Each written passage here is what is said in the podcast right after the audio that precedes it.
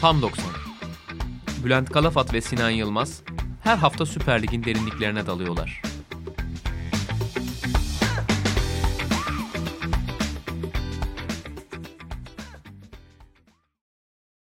Sokrates Podcast'ten hepinize merhabalar. Tam 90'da her zaman olduğu gibi Sinan Yılmaz'la birlikte yeni bölümümüzde sizlerleyiz.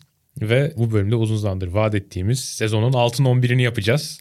Sinan selam. Selamlar Bülent. Nasılsın? Teşekkür ederim. Sen nasılsın? Ben de iyiyim. Teşekkür ederim.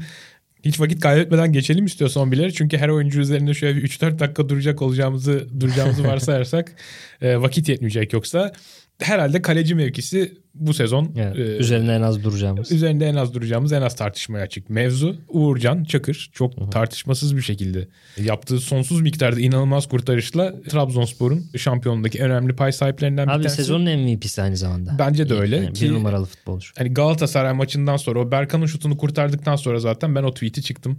Tamam dedim ya ben ikna oldum. Sağ olsun ondan sonra da hiç o çizgisinden şaşmadı. Son iki maça kadar son iki maçta takıma o çöken rehavet konsantrasyon eksiği Uğurcan'ı bile vurdu. Hı hı. İşte yan toplardaki hataları biraz böyle eski Uğurcan seviyesine geldi falan filan ama veya işte Ahmet Can'dan aldığı bir geri pası çok kötü kullanmıştı. Kayseri ile oynadıkları kupa maçında falan bunları pek görmedik bu sezon Uğurcan'dan ama yani sezon genelindeki standardı o kadar yüksekti ki kendisini tebrik etmekten Sürklase. başka yapacak bir şey yok. Şimdi ikimiz de iki tane diziliş yaptık.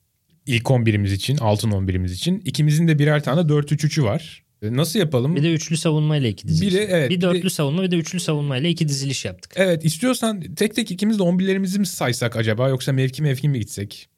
Kaleciye girmişken alternatif ciddi fark yaratan kalecilere de bir değinsek mi acaba? Değinelim. 11'lere girmeden Evet değinelim. Çünkü son bu Galatasaray maçında da yerinde izledim Muriç'i.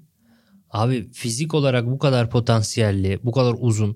Hani mesela kornerleri ters ayakla atarlar ya futbolcular kaleciler çıkamasın, kaleciden uzaklaşarak gelsin diye. Muriç için öyle bir şey etki etmiyor yani. Ama bak ters ayakla pulgar atıyor ona da çıkıyor falan böyle. Galatasaray'ın Adana Demirspor maçında ilk 10 dakikada yaptığı ortaların hepsi çok etkili oldu. Hı hı. Çünkü belki de teknik ekip bunu özellikle tembihlemişti. Hepsini Muriç'in alamayacağı şekilde kesmişti Galatasaray. O benim çok hoşuma gitmişti. Maçın devamında öyle olmamıştı. Sonra Hatta Muriç topladı hepsini. Muriç evet bir tane duran top toplayıp hızlı şekilde başlattı ataktan da Adana Demirspor'un kontrası gelmişti. Yani yan toplar olarak bizim ligde çok eksik kaleciler ama evet. Muriç çok büyük fark yarattı ve fizik kalitesi de çok ciddi. Altay Fenerbahçe'nin ikinciliğinde çok büyük rol oynadı. Aslında ilk iki sıra Uğurcan ve Altay sayesinde denebilir yani iki kaleci iki takımlarını zirve ve ikinci sıraya yerleştirdi gibi Kesinlikle bir şey oldu. öyle. Hatta Altay bu post shot gol beklentisi yani topun kale çizgisini geçtiği an itibariyle gol beklentisine göre yediği gol farkında Uğurcan'ın önünde aslında.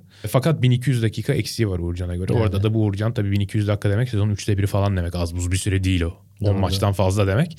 O yüzden Uğurcan bence burada rahat bir şekilde sıyrılıyor. Savunma hattına geçelim istiyorsan. Dörtlümüzün savunma hatlarını bir konuşalım. Senin dörtlünün savunma hattı Ferdi, Kim min Victor Nelson ve Onur. Hı hı. Benim dörtlümün de savunma hattı. Ferdi, Kim min Nelson ve Onur. Evet. Burada bir fark yok. Orta sahalarda bir fark ortaya çıkıyor ama istiyorsan hani savunmada da belki bekler nezdinde biraz konuşabilir. Çünkü stoperde gerçekten bunu zaten sık sık gündeme getiriyoruz. Stoperde hakikaten çok fazla seçenek yok. Ki ikimiz de üçlülerimize, üçlü altın 11'lerimize Abdülkerim'i ekleyerek onu da onora ettik. Çünkü gerçekten müthiş bir sezon çıkardı Abdülkerim kendi standartının en üzerine çıkan futbolcu abi. Yani kendi seviyesinin çok hızlı bir oyuncu olmamasına rağmen fizik kalitesini de çok güçlendirdi. Evet, Olabildiğince benim çok hoşuma gidiyor. Falan. Yanından fırlayarak geçtiği evet. oyuncular o kadar fazla ki Abdülkerim'in dediğin gibi evet. atlet falan değil Abdülkerim. Evet. Bilakis kalın bir, belli evet, falan bir kalın, oyuncu yani. Doğru. Yani kendi standardının en üzerine çıkan futbolcu Abdülkerim Öyle. ve performans olarak da işte Konya'nın da üçüncülüğünün bir numaralı sebebi de Abdülkerim. Hani Fener ikinciye Altay'ı birinciye Uğurcan'ı dedik. Üçüncü Konya'ya da Abdülkerim dersin yani. O yüzden üçlü savunmalar, üçlü savunmalı ilk 11'ler benim daha çok içime siniyor Abdülkerim'i yazabildiğim için. Doğru. Ve Abdülkerim Kim Minje ve Nelson üçlüsü de çok güzel üçlü yani. Müthiş bir üçlü. Ee, Kim Minje'yi merkeze koyacaksın. Aynen. Arkaya süpürecek. Oraya gelenleri dağıtacak. Nelson gerekli kademelere girecek. Abdülkerim de driblinglerle de top taşıyacak. Abdülkerim de senin 3. 4. orta saha oyuncun gibi oynayacak gerçekten. Evet. Çok iyi tamamlıyorlar birbirlerini. Bekler konusunda gerçekten hakkını vermemiz gereken bir iki isim daha var. Dörtlü sistemlerimize yazamadığımız. Ki sen zaten Tayfur'u üçlü sisteminin kanat beklerinden bir tanesi yaparak Tayfur Bingöl'ün Evet, hakkını verdin. Evet. O da 8 asist 3 gollü bir performans. Ki Farioli döneminde bambaşka bir oyuncuya dönüştü. Sonradan oyuna sokup Tayfur'la kazandığı maçlar var. Evet. Bakınız en son iki hafta önce oynadıkları maç. Ligin 36. haftasıydı o. Tayfur Bingöl oyuna girdikten sonra iki tane asist yaparak Kandeyaş ve Oğuz, Oğuz Aydın'a yaptığı asistlerle maçı çevirmişti. Gilerme belki sezon boyu standartını koruduğu için bir hakkının teslim edilmesi gerekiyor bana kalırsa. Ne çok indi ne çok çıktı. Doğru. Ve Bütücü ile her zaman çok iyi bir ikili Hani olmayı şey başardılar. yaparsın ya abi altın 11 yaparsın bir de gümüş 11 yaparsın. Gümüş tam gümüşün sol beki adam yani. Patrick Van Aanholt'u da ben ikinci yarı performansıyla gümüş için düşünürdüm ama bronza daha yakın sanırım. Evet evet bence de ilk yarı çünkü eksik kaldı baya. Ve tabii dörtlülerimizi konuştuk savunma hatlarımızı. Ee, Bu arada hani dörtlünün- stoperlerini de hani konuştuk ama beklerde şöyle bir fark oluyor sadece. Sen üçlünün beklerini Tayfur ve Ferdi yapmışsın. Ferdi'ye dokunmamışsın. Evet, sağ- Tayfur'u getirmişsin. Evet. Ben de üçlümün beki olarak gene Ferdi'yi solda korudum. Sağ tarafa da Bright Osay Samuel'i yazdım. Çünkü o da Fenerbahçe'nin ikinci yarıdaki yükselişinin en büyük e, mimarlarından bir Bright tanesi. Osay'ı sola mı yazdın sağa mı yazdın? Sağ yazdım. Ferdi'yi sol. Hı hı. Bright Osay'ı sağ. Şimdi ben Ferdi'nin sağda da çok iyi oynadığı maçlar olduğu için yani üçlü oynadığı dönemde Fenerbahçe'nin sağ tarafta Ferdi'nin bir iki maçta çok iyi işler yapabildiği için her iki kanatta oynayabildiğini düşünüyorum. Hatta Ferdi sağ tarafta daha da iyiyim gibi bir açıklama yapmıştı. Kendisi demişti bunu yani. O yüzden Senin üçlünün sağ mı Ferdi? evet Tamam, benim üçlü savunmamda Ferdi sağda Tayfur solda üçlü savunmada. Ters ayaklıyı solda kullanıyorsun. Şimdi dörtlü Okey. savunma yaptığın zaman da aslında sağ bek için tek alternatifi Onur. Onur da zaten hak ediyor yani. Evet. Hem Kayserispor'un Türkiye Kupası'nda finale çıkmasında hem de ligdeki orta sıra takımı olmasında çok büyük fark yarattı. Yani Ki özellikle finale çıktığı maçlarda Onur Bulut böyle kaç kere Poğaç'la teke tek kaldı ben hatırlamıyorum yani. Vakayeme ile Hamşik hiç yardım getiremedi oraya. Onur müthiş bir maç çıkardı. Vakayeme'nin zaafını en çok kullanan futbolcu da Onur Bulut oldu. Benim Bundesliga alt liglerinden takip ettiğim, çok eski takip ettiğim bir oyuncu Onur. Yani çok şey e, mevkisinde dörtlü savunmanın yalnız adamı gibi oldu. Ama üçlü yaparsam da Ferdi'nin o sağ taraf performansı maçları biraz ve Tayfur'u da koymak istediğim için üçlüde biraz Ferdi sağda Tayfur solda. Aslında Onur üçlü savunmanın da kanat beki olur sağ tarafta. Çünkü o da e, 70 metre git gel yapmayı seven bir oyuncu olduğu için Ki Farioli o şekilde de kullandı zaten. Alanya'da üçlü deneylerinde. biz Avrupa'nın en yaşlı ligiyiz ya. Burada Onur gibi ve Tayfur Bingöl gibi ve hatta Kasımpaşa'daki Benunes gibi kanadı boydan boya kullanabilen fizik kalitesi yüksek çok dayanıklı oyuncular çok ciddi fark yarattı. Böyle bir kanat bek hatta Bright Osay Samuel de öyle. Tabii. Böyle bir kanat bek şeyi oldu bizim ligimizde. Ne derler? Maden mi denir? Yani bir şey oldu. Hani bu tip bir kanat bek koy. Hani lige şey center fizikli santrforlar ligde darma duman ediyor ya Cornelius Sörloth vesaire. Bu tip kanat bekler veya bekler de direkt fark yaratıyor. Benonesler işte şeyler. Onur Bulut gibi, Tayfur Bingöl gibi isimler. O da bir ligin genetiği haline gelmiş olabilir.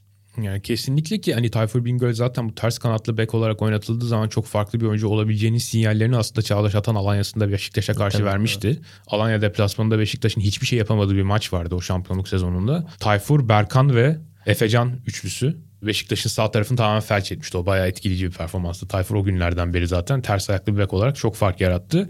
Orta sahalara geçecek olursak benim dörtlü sistemin orta sahası da üçlü sistemin orta sahası da aynı. Hamsik, Marek Hamşik, Miyazayt ve e, Miguel Crespo'yu koyuyorum ben. Senin dörtlü orta saha üçlünde beni çok mutlu eden bir isim var. Amir Hacı, Ahmetoviç. Yanına da Crespo ile Hamşik'i koymuşsun. Sen Zayt yerine Amir'i tercih etmişsin. Nedenini Biraz açıklamak orta- ister misin? Orta üçlüm biraz hücum olarak eksik kalmış ama e, geriden oyun kurma kabiliyeti açısından çünkü hani Kim Min-jae ve Nelson pek geriden oyun kurabilen stoperler değiller. Hem Amir'i hem Hamşi'yi kullanarak biraz aslında o zaafı da gidermek istedim. Amir'in de Konya performansı istikrarı biraz Gilerme gibi. Yani çok büyük tavanlar yapmadı belki ama çok istikrarlı bir şekilde devam etti. O yüzden biraz onu öyle ödüllendirmiş olabilirim diye düşünüyorum. Diğerinde zaten üçlü savunmada iki merkez kullanıyorum. Üç kullanmıyorum Evet, senin, senin gibi. üçlü sistemin bir 3-4-3. Evet. Seninki 3-5-2 benimki 3-4-3. O yüzden orada da Hamşik Crespo var. Crespo'yu da çok sevdim ben. Tarzını da oyun yapısını falan da. O yüzden her iki ilk 11'imde de direkt Hamşik Crespo'yu direkt koyuyorum yani. Orta sahada hani kimlere belki haksızlık ediyor olabiliriz. Kimlerin hakkını vermek lazım diye düşünecek olursak da işte ben Berkan'ı sayarım. Çok istikrarlı ve uzun süreli bir sezon geçirdi. Belki bir düşüş yaşadı ama sonlara doğru tekrar toparladığını gördük Berkan'ın. Son 4-5 hafta Berkan bayağı iyi. Ve yani topa sahip olmaya oranla açık ara ligin en fazla baskı yapan oyuncusu olduğunu Galatasaray bölümünde değinmiştik. Burada çok saçma sapan bir fark atmış ligin geri kalan orta sahalarına. Akbaba'nın penaltısız 10 gol ve 4 asisti olduğunu unutmamak lazım. Ya biraz o da sistemin avantajını kullandı ama yani Alanya sisteminin. Biraz yani Emrak Baba'nın kötü maçlarını da hatırlıyorum izlediğim zaman. Çok E ama top kötü bir sezon geçirdiğini Evet, kesinlikle doğru, söylemeyiz. Ve yani orta sahaların yaptıklarına baktığın zaman çok net sıyırıyor. Onun dışında ben Hayri Dönem için iyi bir sezon geçirdiğini düşünüyorum. Çift yönlü katkısı çok önemli. İlk yarı o kadar iyi değildi galiba. İlk yarıda Kasımpaşa bayağı- iyi değildi zaten Doğru, olduğu doğru. gibi. Bir de şunu da unutmamak lazım. Hakan Kutlu döneminde Hayredinovic ve Esterik'ten bir kanat yaratılma denemeleri oldu. Bir 4-5 hafta orada kaybedildi. Orada Hayredonovic'in gerçekten çok kötü performansları vardı. Hatta ben Cuma ertesine bayağı konu ediyordum. Hayredonovic'i kanada koyduğunuz zaman mer- şey yapmıyor diye. Merkeze kayıyor. Kanat savunması yapamıyor falan diye. Ama ikinci yarısında ben Hayredonovic'i çok beğendim. Zaten benim beğendiğim oyunculardandır. Bilmiyorum yani benim aklıma Berkan, Hayredonovic ve Akbaba geliyor. Orta sahada belki. Zayt'sı eklemişsin sen. Ben 11'e. zaten ilk 11'e koydum. Sen koymayan biri olarak tabii Evet. ki hakkını verirsin. Ya şeyden dolayı yani Zayt çok skorer ve iyi bir sezon geçti ama ligin ilk yarısı yoktu mesela. O yüzden biraz hani ilk yarı ikinci yarı biraz komple bir sezon değer. Mesela ilk yarıda şey çok iyiydi. Ruben Ribeiro'lar, Biglia'lar falan çok iyiydi. İkinci tabii yarıda zaten hiçbiri kalmadı. Altın Patır patır 11'lerimizin bir de. en büyük değişim yaşadığı yer burasıdır herhalde. Merkez orta saha tabii. Çünkü dediğin gibi Crespo ve Zayt ligin ilk yarısında süre bulmakta zorlanıyorlar. Aslında. Crespo ile Hamşik'in süreleri de çok az. Yani Crespo da çok az oynamış bir oyuncu. Hamşik de çok ağır sakatlık çok uzun sürdü. Hani buraya baştan sona aldı götürdü bilmem ne diyebileceğim bir yok yani. İşte az önce saydığım Amir gibi aslında gümüşlük 11, gümüş 11'lik oyuncu var bir tek istikrarlı. Altınlık Hamşik var altınlık oynadı her oynadığında ama az oynadı. Yani Crespo da aynı şekilde. Tabii bak şöyle Hacı Ahmetoviç'in 3400'den fazla dakikası var ligde. Hı hı. Mesela Emre Akbaba'nın 2400.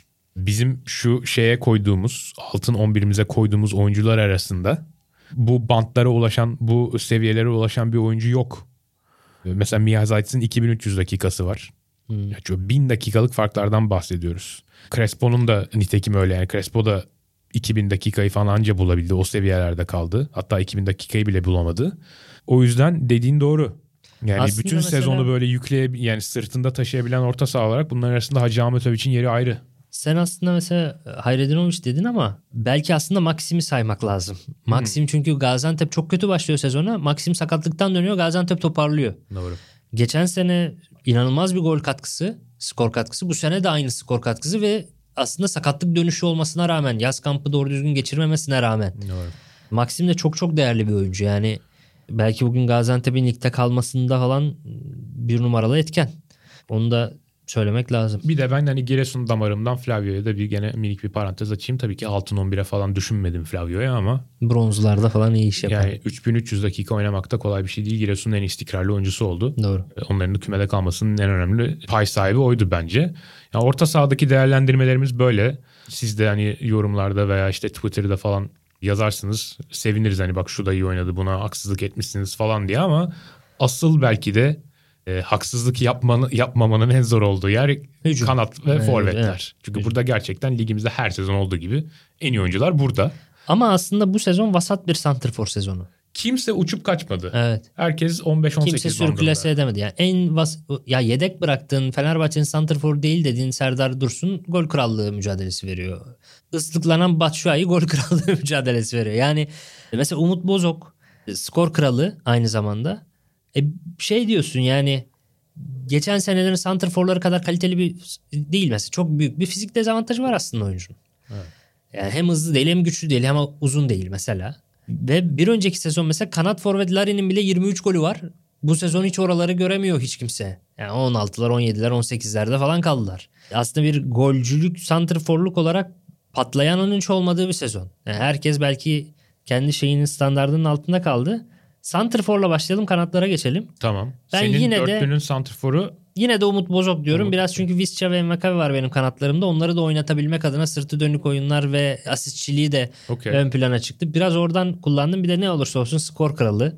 Hani ben yine de mesela diyorum ya Umut Bozok hani skor hem işte skor kralı olarak hem asist hem gol olarak bu kadar fark yaratmış bir oyuncunun altın 11'e yazmak da istiyorum bir yandan.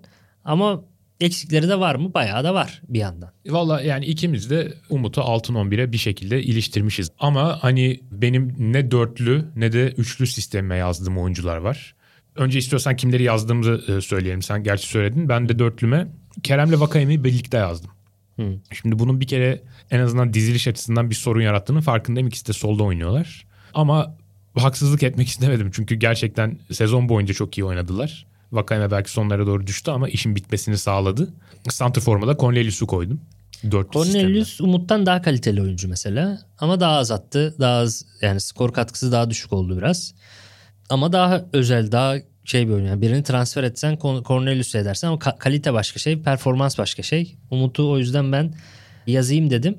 Kerem'i sağda kullanmışsın. Şimdi şöyle bir şey var. Sen Zayt'sı kullanıyorsun zaten merkezden skor gücü olarak. Benim o yüzden iki kanadıma Visca ve Vakame gibi skor yapan oyuncular kullandım. Ve Umut Bozok benim işte santrforum. Benim dörtlüyü sayalım sonra senin dörtlüyü sayalım. Benim dörtlü Uğurcan işte kalede. Onur, Nelson, Kim Minje, Ferdi dörtlüsü. Önlerinde Amir, Crespo, Hamşik. Benim orta üçlü biraz skor olarak çok eksik. Ama Edin Viscen ve Kame, Umut Bozok gibi ileri üçlüm bayağı skor verdi. Senin dörtlün Onur, Nelson, Kim Minje, Ferdi, Uğurcan geri at aynı. Hamşik, Crespo'ya Zayse ekliyorsun. Bir tane daha skorerim var. Kerem Envakame, Cornelius yapmışsın. Hani Kerem sağda biraz o kadar skor yapabilir mi bilmiyorum. Dediğim gibi diziliş bakımından çok bir şey vaat etmiyor olabilir ama ben biraz daha hani yani ligin en iyi 11 oyuncusu gibi düşündüm. Hmm. Mevkilerine çok fazla şey yapmadan hücum hattı olarak hani böyle düşündüm ama ya illa bir tanesini sağ atmam gerekse bir maç Kerem atarım bir maç Vakayeme. Yok bence hep şey hep Kerem olur sağda ya. Vakayeme solda varken yani Vakeme sağa atsan o kadar güç alır mısın bilmiyorum. Gerçi 10 numara oynattı bir iki maç. Vakeme çok iyi oynamıştı. Oyun kurucu yaparım işte evet. aynen. Yani Vakame'yi böyle daha daha fazla oyun kurduran bir oyuncu falan gibi kullanabiliriz. Şimdi benim üçlü daha çok içime siniyor aslında. Üçlü savunmam. 3-4-3. Benim de öyle çünkü Abdülkerim'e yer verebiliyorum evet. bir kere. Hakkını yememek Orada da Nelson Kim Minje Abdülkerim ve işte kalede Uğurcan'la aynı savunma attı yine. Sen Bright Osay Samuel biraz Fenerbahçe ağırlıklı senin. Bright Osay Samuel sağda e, Hamşik, Zayt, Crespo ve Ferdi şeklinde bir 5 oyuncunun 4'ü Fenerbahçe'den. Öyle. Benim şöyle Ferdi sağda, Hamşik, Crespo, Tayfur şeklinde. Tayfur'u solda değerlendiriyorum. Ön tarafta ben biraz kanat forvet gibi Umut Bozok, Cornel, Umut Bozok sağ tarafta. Cornelius Santrfor ve sol tarafta da Kerem var. Hani dörtlüde Vakame ve Visca'yı kullanıyorum ama üçlü savunmanın kenarlarında Vakame ve Visca çok olacak gibi gelmiyor bana. Bilhassa Vakame. O yüzden burada biraz e, diğerlerini de değerli, Kerem'i de değerlendirmiş olmak da güzel. Bir de ikinci forvet. Yani hoca olsam mutlaka çift yardımcı forvet kullanırım ben o şeyde. Larin Marin modeli, Onyekur modeli. O yüzden burada bir Umut Bozok'la onu da kullanmış olayım. Üçlüler ve dörtlüler böyle. İki, iki farklı 11'imiz var ikimizin de. Tabii bu santrfor ve kanat hattında hakkını vermemiz gereken pek çok oyuncu var. İşte Yunus Akgün olağanüstü bir sezon geçirdi. Tabii. Son olarak Galatasaray deplasmanında da golünü attı. Yuvasına dönmeden önce gene çok yüksek sinyaller İki Galatasaray verdi. maçında da çok iyi goller ve evet. işler yaptı. Slalomlar falan. Ondan sonra Kabi sadece biri penaltıyla işte 15 golü geçti. Bir de El Kabi Santrfor gelip burada kanat forvet evet. oldu. Geçen sene mesela Larinler, Bupenzalar falan kanat forvetlerin yılıydı. Bu sene o açıdan tek El Kabi oldu. Kanat forvet olarak şovunu yapan Sivrilen. Ama mesela ben bir gümüş 11 yapıyor olsam sanırım El Kabi'den önce yani El Kabi ile ve Bütücü arasında kalsam mesela bir kanat Hı. için sanırım Bütücü'yü seçerdim. Hı hı. Çünkü o da performansını bütün sezona yayanlardan. Evet. Mesela, underrated'ın tanımı gibi oldu Bütücü. Evet mesela benim gümüş 11'imin herhalde kanatları Yunus Akgün bir kanat. Bütücü'de bir kanat olurdu. Konyalı belki. hesapları takip ediyorum. Herkes Bütücü'ye yeterince değer verilmemesinden şikayetçi onlarda. Çünkü biraz şey gerçekten yani karizması yok oyuncunun ama hep faydalı. Evet. E, iyi de skor katkısı da yapmış bu arada gö- kaşla göz arasında. Mulyaka tabii devre arası gelip de inanılmaz işler yapan bir isim. Marcio Nobre'lerden beri bu kadar devre arasında şovunu yani çok az adam var. Onun dışında tabii Gradel'i atlıyoruz yine. Ayıp ediyoruz biraz. double double yapamadı ama ya o da. Geçen sene yapmıştı mesela. Bu sene de yaklaşmıştır ama değil mi? Yani yine Yok golü çok az Gradel'in bu sezon. 3 golü mü var? 4 golü mü var? Evet epey altında kaldı golcülükte. Asiste yine ama Asiste çok yine asist 11 ya da 12 evet. sanırım. Yine Sivasspor Türkiye Kupası'nı finale çıkarıyor ve bu kez de kazanırlarsa da 3 yıl üst üste Avrupa'ya gitmek gibi çok absürt bir başarıyı yakalayacak bir Anadolu takımı. Onu da söylemek lazım. Gradel gibi Tiam da var bir kanat. Bu arada hmm. kanat forvet olarak e, Kabi dışında kimse öne çıkmadı demiştim ama yanıldım. Orada Tiam'ı unutmuşum. Tiam'ı da ekleyelim oraya. Kabi ve Tiam kanat forvet olarak. Tiam da ilk yarıda inanılmazdı. Altın 11'e de koymuştum ben ilk devrede. Ama ikinci yarıda Afrika Kupası vesaire derken düştü biraz. Bir de ilk yarı bazı golleri biraz sürrealdi. Yani Tiam o Yani kadar iyi bir inanılmaz. bitirici değil. Yani inanılmaz goller attı Evet. adam. Henry golleri attı. ya. Ayak içi uzak direğe falsolu Tam falan. Henry golü işte. Yani. işte Müthiş goller attı. o, o formunu koruyamaması çok büyük bir sürpriz değil aslında. Bir de evet belki altın 11 seviyesinde değil ama geleceğin altın 11'leri için hiç fena olmayan adaylar da var. Yani Oraya sezon. geçmeden son bir e, mazlumunu söyleyeyim. Sezonun mazlumu. Söyle. Raşit Gezal. Niye, niye Sezon- mazlumu? Çünkü adam yine çok iyi şeyler yaptı. Takım arkadaşları ayak uyduramadığı için asist ve gol sayısı çok az kaldı. Bir de yarım sezonu heba oldu. Yanı... Kurucu Pjanic olacak diye. Yanında iyi bir bitiriciyle oynasaydı mesela Gezal yine 15 asist falan yapabilirdi ve yine pekala altın 11'in sağ kanadı Gezal abi derdin. İyi bir santrfor olsa mesela geçen sene olduğu gibi bu sene de sağ kanat Gezal tartışmasız dersin. Çünkü kalite olarak onu veriyor. Performans olarak da verdi aslında adam. Bitiremediler yani bir sürü asistini yediler adamın. O yüzden tam bir bu sezon mazlum oldu. Üzüldüm onun adına ama yani yine elinden geleni yaptı bence. O zaman Wonderkid'lere mi geçiyoruz son olarak? Geçelim. Yani Şimdi- Wonderkid'ler ve şeyler gibi düşünelim bunları. Yani Wonderkid'ler ve geleceğin altın 11'inin en böyle Olabilir. bu sezonki e, performanslarıyla Ya aynı en iyi zamanda adayları diyelim. Bu isimler, bu sayacağımız isimler Süper Lig'in en önemli değerleri. Gelecek sezon Süper Lig'i izlenebilir kılmak adına en önemli isimler. Süper Lig'in en pahalı oyuncuları olacaklar. Hepsi 23 yaş ve altı. 24'e çıkmadık. 24'te aslında Emre Mor gibi bir isim de var. Yani ne olur ne olmaz Emre Mor e, ilginç bir herif çünkü. Seneye damga da vurabilir. Ligin MVP'si de olabilir. Hiç şaşırmazsın. Ben çok şaşırırım ya. Ben Emre'den onları beklemiyorum abi. Belli olmaz abi. O kadar adam olağanüstü ki yani biraz kafayı kırsa oynayacağım ben dese e, MVP de olabilir yani. Yani bilmiyorum. Ben yani bir Süleymanov'un biraz daha iyisi gibi geliyor bana açıkçası Emre Mor. Çok çok çok fark yok. Çünkü evet çalım atıyorlar, atıyorlar, atıyorlar. Sonuç yok. Sonuç sonuca giden hamleyi, final Son pasını 5 son falan. 5 10 haftada bayağı sonuca da yansıdı Emre Mor ya. 3-4 tane maç aldı direkt. Ama çok, neyse. çok küçük bir şey olduğunu düşünüyorum onun. E, Ee, 10 maç, ümitlenmek 10 için. maç çok küçük bir aralık zaten Evet. kesin. Orada öbür tarafta 50 maç yapan Kerem var yani. beş Beni maç. Emre Mor konusunda asıl ikna etmeye yaklaştıran dönem Faryoli dönemiydi şeyin Karagümrük'ün. Çünkü orada Emre Mor'la Caner Erkin'i doğru şeyleri yapmaya ikna edebilmişti. Emre Mor'un mesela bir Kasımpaşa maçı var ilk yarıda Karagümrük Kasımpaşa maçı. Orada ben Emre Mor'u gördükten sonra ya bu çocuk mu ya yani her topu aldıktan sonra çalım deneyip kaptıran Emre Mor bu mu falan dediğimi çok iyi hatırlıyorum. Çünkü çok olgun oynamıştı. Volkan Demirel döneminde biraz daha eski eski yazılımına geri dönmüş bir Emre Mor vardı ama onun sonucu senin dediğin gibi daha iyi dönüştürdü. Fakat Galatasaray maçında mesela Emre Mor gene dağıttı şey Fenerbahçe maçında gene dağıttı orayı. Ferdi'ye karşı çok iyi bir yarı çıkardı. Sonuç Evet. yok şut yok. Yani ne kendi şutu var ne de yarattığı net bir şut pozisyonu Aynen. var. Çok da takım arkadaşları da şey yapamadı bence. O zaman Neyse ben o kadar şey bırakalım. yapamıyorum. Ee, belki sen haklı çıkarsın canım olabilir. Umarım ben haklı çıkarım. Çünkü Ben de senin haklı çıkmanı umarım. ben de senin haklı çıkmanı umarım yani. 23 yaş ve altındaki en potansiyellere geliyoruz. Bu sezonda şey yapmış. Bir kere bir numara Jackson Muleka bence. Müthiş bir şey. 22 yaşındaysa gerçekten müthiş yani. Sen hep söylüyorsun bunu bu yaz çıkar şimdi haberim. Meğer Moleka 20 Umarım çıkmaz. Ee, yanılırım. Umarım yanılırım burada. Çok büyük bir potansiyel. Fizik potansiyel, sürat, iki ayak var. Kafa var. Yani çok güçlü de aynı zamanda boyuna göre. Müthiş. Ben seneye de en bek- merakla bekleyeceğimiz oyunculardan bir tanesi. Benim ikinci de numarada en merakla bekleyeceğim oyuncu da Jason Fernandez. Beşiktaş'a çağ atlatabilir. Josef'le birlikte olağanüstü bir ikili de olabilirler. Ligin çok üzerinde bir ikili de olabilirler. Öyle geliyor bana şu Kağıt anda. üstünde öyle duruyorlar. Kağıt zaten. üzerinde öyle duruyor. Bir oyun kurma problemi görünüyor. Oyun kurmayı da üçüncü isimle çözebilirse oraya. Ki Valerian İsmail e, futbolunda kurma oyun, istemiyor. kurma çok önemli bir eksik Doğru. olmayabilir. Yani set açıcı, kilit açıcı diyelim. Belki Gezal işte orada. Hani sete oturduğunda rakip kapandığında açacak isim. E, Rozier ile Gezzal o kadar baskıya dirençli oyuncular ki sana oyun kurucu ihtiyacını ortadan kaldırıyorlar. Yani üçüncü bölgede basıyorsun Rozier'e adam iki kişinin arasından dönerek çıkıp Gezzal'a veriyor falan. Yani o yüzden işte Pjanic Gezzal süreci neyse girmeyeyim şimdi oraya da. O kadar gereksiz bir şeydi ki. Beşiktaş zaten çok iyi oyun kurabiliyordu. Neyse. Jason, Jason. 2 numaram benim. En potansiyeller arasında.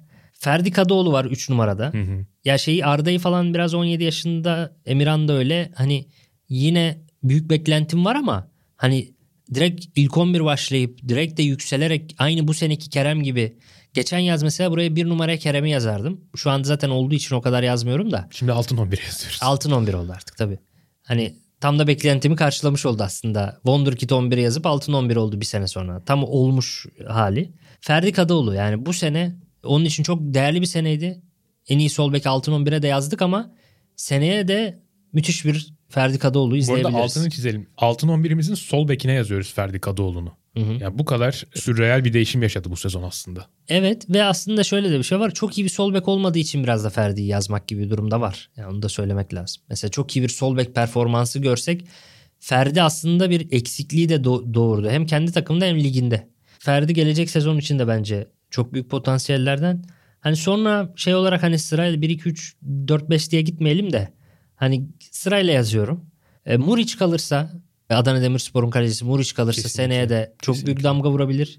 Malatya Spor'da Münir vardı. Bunu en üstlere yazmam ama bayağı yetenekli bir oyuncuydu. Süper Lig'de kalır mı? Seneye bilmiyorum kalır mı ama Münir de bayağı yetenekli bir oyuncuydu. 23 yaşındaydı. Kerem Aktürkoğlu 23 yaşında.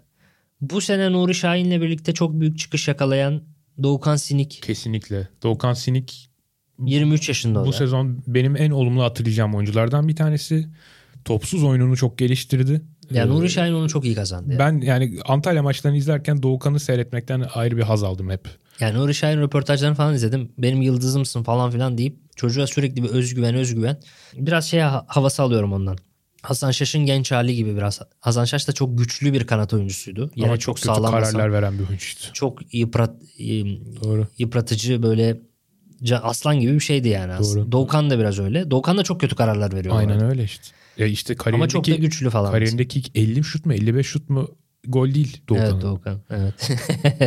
Hep kötü karavana. E, Yunus Akgün zaten e, yeteneğini nihai Kesin. gösterdi. Arda Güler en parlayan denebilir. Mutluluk kaynağı yani futbolu izleyen herkesin. Yusuf Endiyeşimiye kardeşim benim. Çok seviyorum kendisini. O kadar zor coğrafyalardan gel de burada 5000 TL maaşla Süper Lig oyuncusu ol. Üstüne stoper ol. Üstüne Başakşehir'le oyna ve Başakşehir'in bel kemiklerinden biri ol falan. Çok çok çok böyle şey yani. İşte gelsin Hollywood'dan filmini çeksinler yani hayat hikayesini. Ö- öyle bir çocuk. Üstüne de Bülent'le Sinan Sen'le ilgili podcast yapsınlar. Ondan Aynen. sonra al bacağıyla ondan sonra 5 ay oynama. ne kadar sevdiğimiz her şeyden belli gerçekten. Her O da detayından 23. belli. Bu arada hepsi 23 ya genç dediklerimizin. O kötü yani. Abdülkadir Ömür Welcome 23. to Turkey abi. Evet. yani Doğukan diyorsun çok büyük çıkış yaptı diyorsun kaç yaşında 23 bu ne lan zaten 5 sene sonra düşüşe geçecek yani bu kadar Kerem 23 Münir 23 Muriç 23 hep 23 yani hep sınırda 22 yaş altı alsam liste bayağı zayıf yani aslında baktığın Tabii zaman. canım. %3 ya da %4'tür zaten kesin oraya o yaş bandına verdiğimiz dakika payı daha yüksek olması durumunda gerçekten çok şaşırırım. Çünkü 10 yıldır geçmiyor o şeyi. Aslında o mesela payı. Ümit Milli 21 falan ya. Yani 21 altı çok eksik. 3-5 tane var. 23, 22, 23, 22 de çok eksik. 23 ile başlıyor. Abdülkadir Ömür onlardan bir tanesi 23 yaşında. Bu sene nihayet bir şeyler e, kanıtlayabildi ve o şampiyonlukta da rol oynadı. Umarım seneye daha da fazlasını verir. Mesela altın 11'e yazmadık ama. Şampiyonlukta rol oynadı ama altın 11'lik oynamadı. Umarım seneye altın 11 olur. Bu sene çıkış yapan Doğucan Aspolat maalesef 22'de çıkış yapabildi. O da seneye 23'ünü umarım çok daha iyi oynar. O da ligin ikinci yarısında benim beklentilerimin biraz altında kaldı. Daha iyi bir ilk yarı çıkardığını düşünüyorum Doğucan'ın. Evet. Daha nispeten genç olup da kalitesini gösterebilen Rıdvan Yılmaz. Rıdvan için seviniyorum. Daha 19'unda şampiyonluk gördü. 20'sinde 11 oldu falan. Milli de milli takımda da oynayabiliyor. Şimdi seneye bu yaz büyük ihtimalle Avrupa transferini de yapar. Bir de sadece o da değil. Rıdvan şu bakımdan da özel bir noktada o yaş grubundaki oyuncular için. Rıdvan oynamadığı zaman Rıdvan nerede diye ayağa kalkan ciddi bir Beşiktaşlı grubu var artık. Evet. Yani Rıdvan'ı kestiğin zaman çok iyi bir sebebin olmak zorunda artık. Evet. Ki yani Umut Meraş o Galatasaray maçından sonra Rıdvan'ı kesip formaya aldı. iki tane orta yaptı diye. Orada 5 hafta Rıdvan kesildi ve Beşiktaş orada 4 tane mağlubiyet aldı. hani Derin noktaya, yaraların açıldı yine. o noktaya o noktaya gelebilmiş bir oyuncunun 19 yaşında bir 19-20 yaşında bir oyuncu olması bence mutluluk verici bir şey. Doğru doğru. Ve Valerian İsmail'in de ben Rıdvan'ın üzerine titreyeceğinden eminim. Yani tam istediği ortamı bulacaktır bence Rıdvan. Şimdi az önce ismini geçirdiğin Şapi Süleymanov var 22 yaşında. Emre Morur'un biraz daha iyisi dedin Şapi Süleymanov'la. Yani Emre ile beraber onu da onu niye söylediğimi söyleyeyim altını doldurayım. Yani istatistiksel olarak bu iki oyuncu ligin açık ara en iyi çalım atan oyuncuları. Sadece çalım sıklığı değil. Mesela öyle olsaydı Munir Şuayri de girerdi işin içine. Doğru. Ama bu oyuncular sahanın merkezini deliyorlar. Hı hı. Topu kanattan merkeze taşıyan kanat oyuncuları da bu Statsboom'un değerlendirmesinde biraz öne çıkıyor. Ya Şapi Süleymanov da bayağı ilginç bir oyuncu. Giresunspor zaten çok düşük maliyetlerden sonuç çıkarmaya çalışan bir takım. Umarım Süleymanov'un gelişimi devam eder. Çünkü Giresun az parayla çok işler yapmaya devam etmek zorunda galiba öyle görünüyor. Süleymanov'la da devam etmek zorundalar aslında bir Doğru. yandan. Onun gelişimine de devam etmek zorundalar. Onun adına belki üzücü olan tek şey Giresunspor ciddi bir düşüş yaşadıktan sonra tekrar lige kalabildiği o yükselme döneminde Süleymanov'u ilk 11'den keserek Hakan, Kut- e, Hakan Keleş çözümü buldu. Ya Sergio'yu yerinden etmedi. Sergio çok daha olgun bir oyuncu. Evet ve Sergio'yu yerinden ettiği zaman oldukları gördü zaten. Ee, üçüncü bölgeye gitmekte çok zorlandı takım. Diabate'yi orta sahada o sürekli bu- her şeyi bozan Diabate'yi kanada atıp daha oturaklı Chiquinho'yu oraya koydu. Orada Evet. denklemin dışında kalan oyuncu maalesef Süleymanov oldu. Evet e, doğru. Yani biraz süresi azaldı son dönemde bu yüzden ama seneye onunla birlikte onun gelişimiyle birlikte devam etmesi lazım.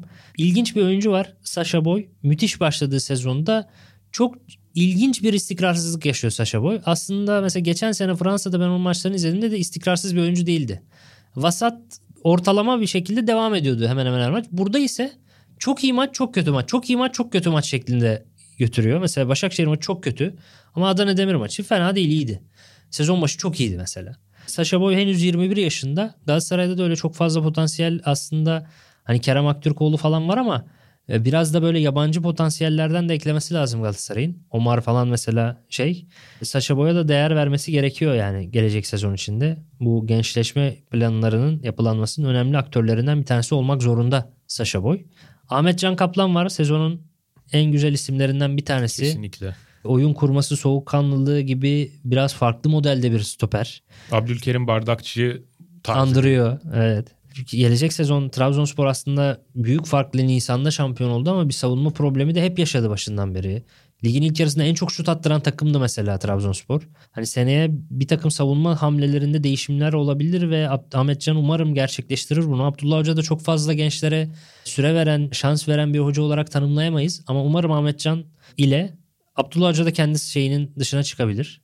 Kendi ritüelinin. Bir de artık Abdullah Avcı tabii ispatlayacak bir şey kalmadığı için şampiyonluğu da aldıktan sonra belki yarışmacılıktan biraz daha yetiştiriciliğe kayabilir belki. Umarım. Ve Beşiktaş'ta ilginç bir oyuncu var. Emirhan İlkan. Aslında Önder Hoca ile birlikte çıkıyor. Önder Karaveli ile birlikte.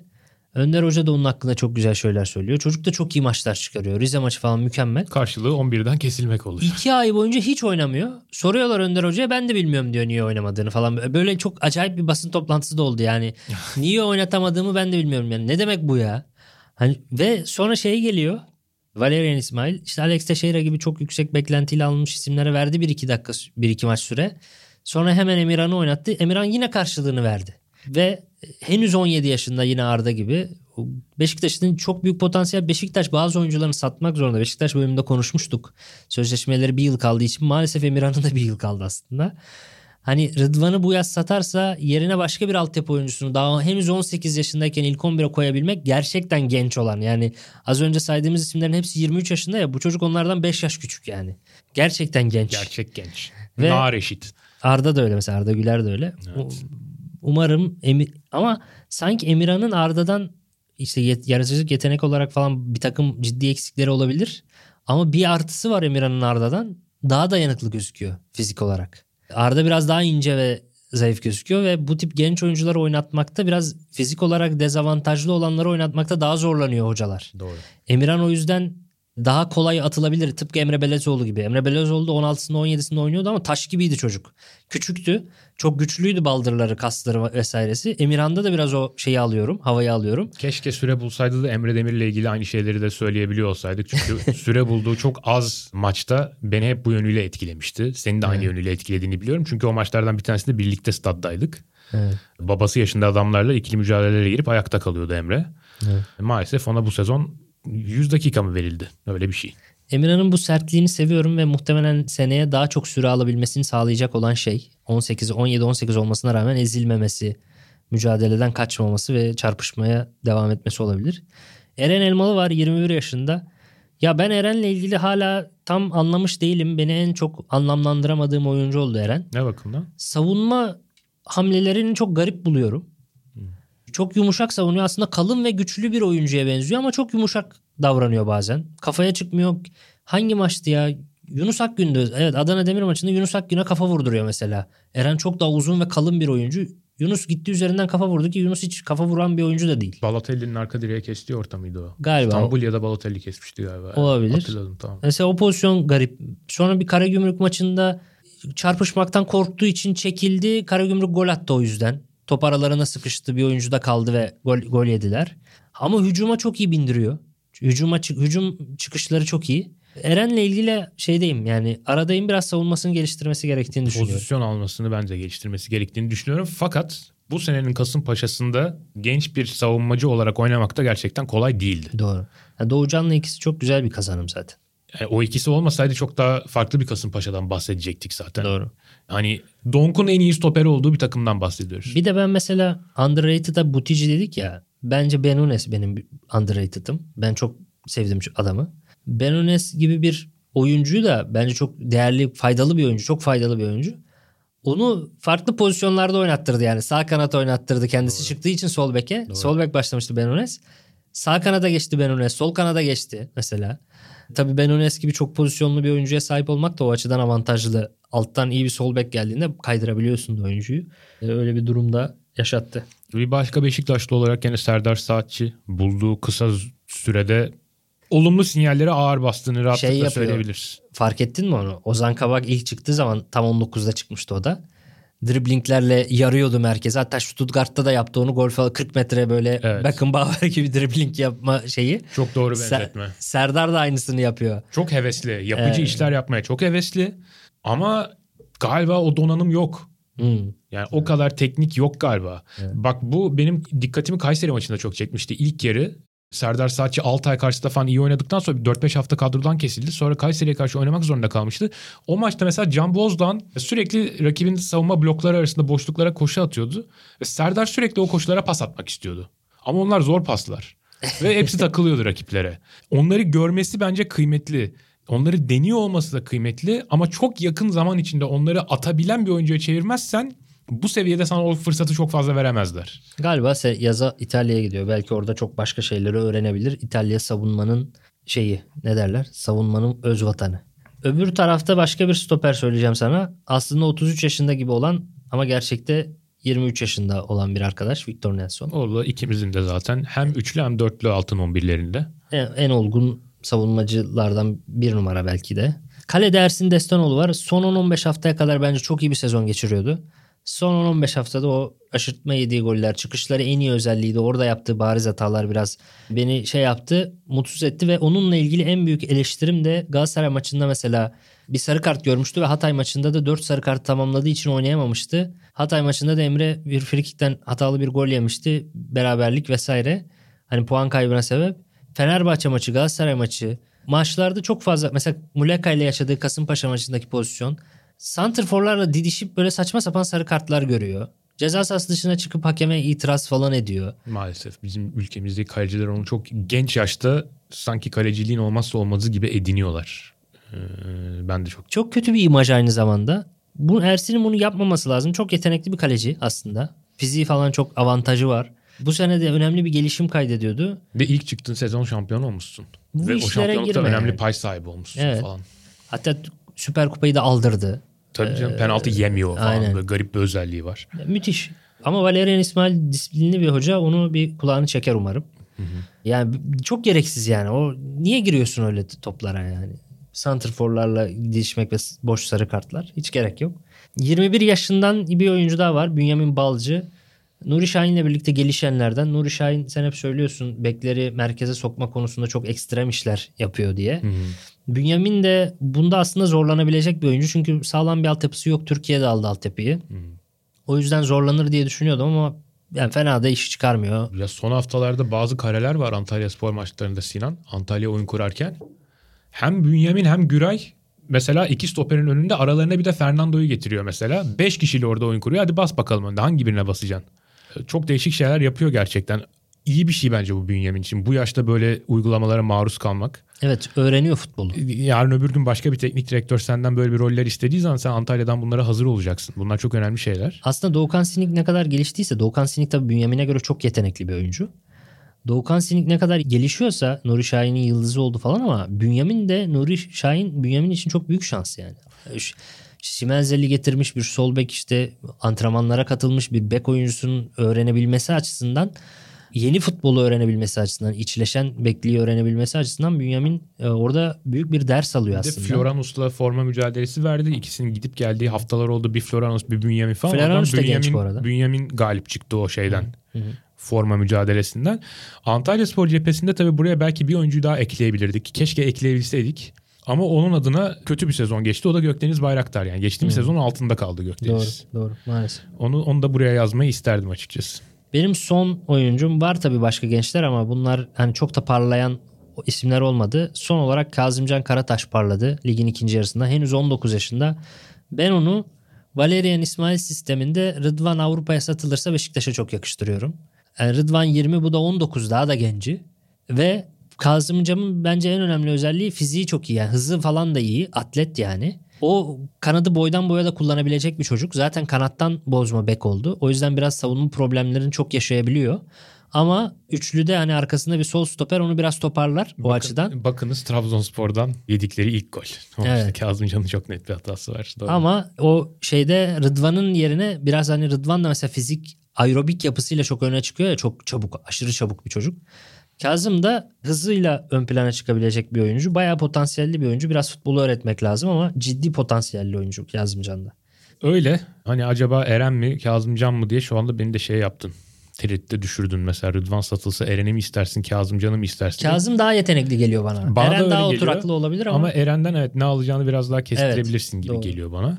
Altın 11'lerimiz böyle. Altın 11'lerin dışında da hani sezona sezonda iz bırakmayı başarabilen oyuncuları da değerlendirdik. Tabii ki sizin de yorumlarınızı, görüşlerinizi bekleriz. Sizin pencerenizden öne çıkanlar vardıysa bizim atladığımız onları da hatırlatırsanız seviniriz. Ağzına sağlık. senin de ağzına sağlık. Sizlere de çok teşekkürler her zaman olduğu gibi dinlediğiniz için. Önümüzdeki haftada Süper Lig'in yeni ekiplerini konuşacağız. Ümraniye Spor ve Ankara gücünden sonra Playoff'lar. playofflarla üçüncü takım da belli olacak. Bir bakmışsın Umut Bulut'ta tekrar Süper Lig'de izliyormuşuz. Bu hala ihtimaller içinde. Bakalım önümüzdeki sezon Süper Lig'deki yeni takımlar kim olacak? Üçüncüsü kim olacak? Bunların da hepsine bir sonraki bölümümüzde detaylı şekilde yer vereceğiz. O zamana kadar kendinize iyi bakın. Hoşçakalın.